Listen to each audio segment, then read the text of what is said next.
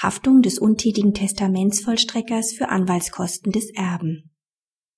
Bei Untätigkeit des Testamentsvollstreckers kann der Erbe einen Rechtsanwalt beauftragen und die dadurch angefallenen Gebühren als Schaden gemäß 2219 BGB gegen den Testamentsvollstrecker geltend machen.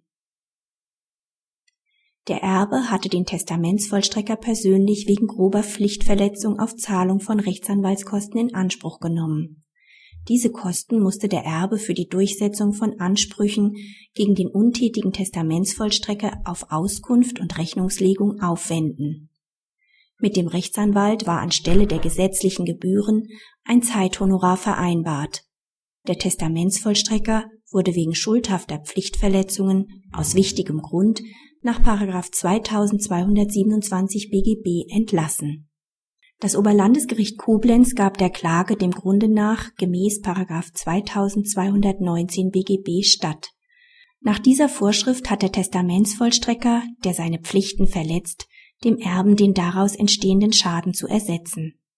Nach 2215 BGB muss der Testamentsvollstrecker unmittelbar nach Annahme des Amtes ein Verzeichnis der in seiner Verwaltung stehenden Nachlassgegenstände erstellen und bekannte Nachlassverbindlichkeiten mitteilen. Dieser ihm obliegenden Pflicht ist der Testamentsvollstrecker nicht unverzüglich nachgekommen. Er ist deshalb verpflichtet, dem Erben den durch die Pflichtverletzung entstandenen Schaden in Form von Rechtsanwaltskosten zu ersetzen. Die Vorinstanz hatte dem Erben nur die Erstattung von Rechtsanwaltskosten zugebilligt, die nach der Brago entstanden wären. Die Vereinbarung eines höheren als der sich aus der Prago ergebenden Honorars verstoße in der Regel gegen die in 254 Absatz 2 BGB dem Geschädigten obliegende Pflicht, den Schaden zu mindern.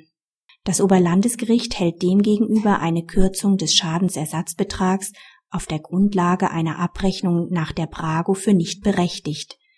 Es handelt sich vorliegend um einen sehr komplexen und schwierigen Fall.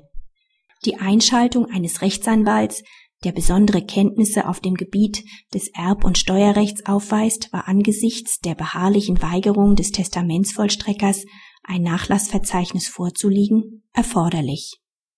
Für den Erben bestand die Gefahr einer einkommens- und umsatzsteuerrechtlichen, möglicherweise auch einer strafbewährten Haftung ausgesetzt zu sein, da er gegenüber dem Finanzamt aufgrund der mangelnden Auskünfte des Testamentsvollstreckers keine Erklärungen abgeben konnte.